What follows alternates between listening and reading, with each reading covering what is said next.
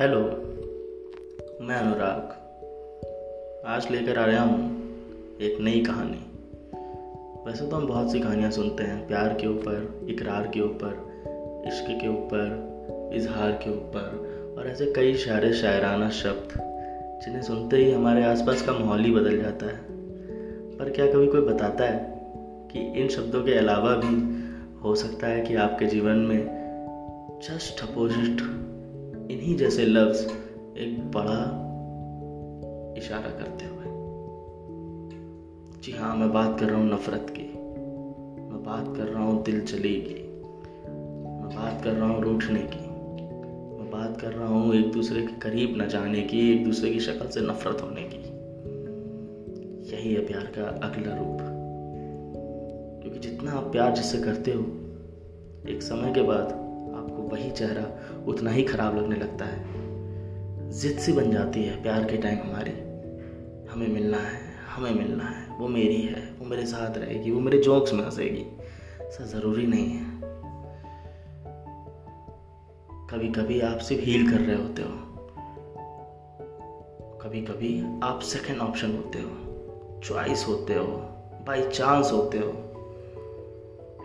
हो सकता है जिसे वो प्यार करती है, उसे वो छोड़ के चले गए और आपने उसे हील करा, आपने उसका साथ दिया। जब उसका साथ पूरा और वो व्यक्ति वापस आया, वो वापस चली गई। इसके बाद की कहानी क्या है? इसके बाद आपको उसकी आदत लग गई है। आप उसे ऑनलाइन देख रहे हो, आपके पास मैसेज नहीं आ रहा। आप उससे बहुत कुछ बताना चाह रहे हो, पर उसकी तरफ़ से एटीट्यूड ऐसा है कि लगता है, क्या बात करनी इससे अब? ये सारी चीज़ें मेरे दोस्तों, इन सारी चीज़ों की वजह से मैं बोलता हूँ कि प्यार करो तो सही करो, वरना मत करो।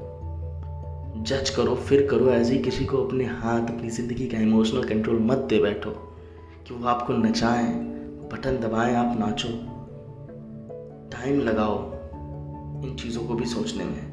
करियर चूज़ करने में टाइम लगाते हो। क्या खाना है चूज़ करने में टाइम लगाते हो? एक लड़की अच्छी मिल रही है कि नहीं? उसके पीछे बस ये क्यों देखते हो कि लड़की है, काफ़ी है? अरे यार टाइम लगाओ, दोस्त बनाओ।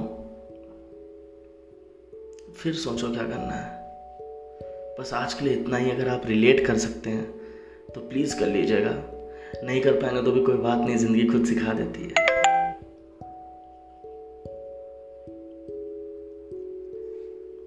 शुक्रिया, अनुराग।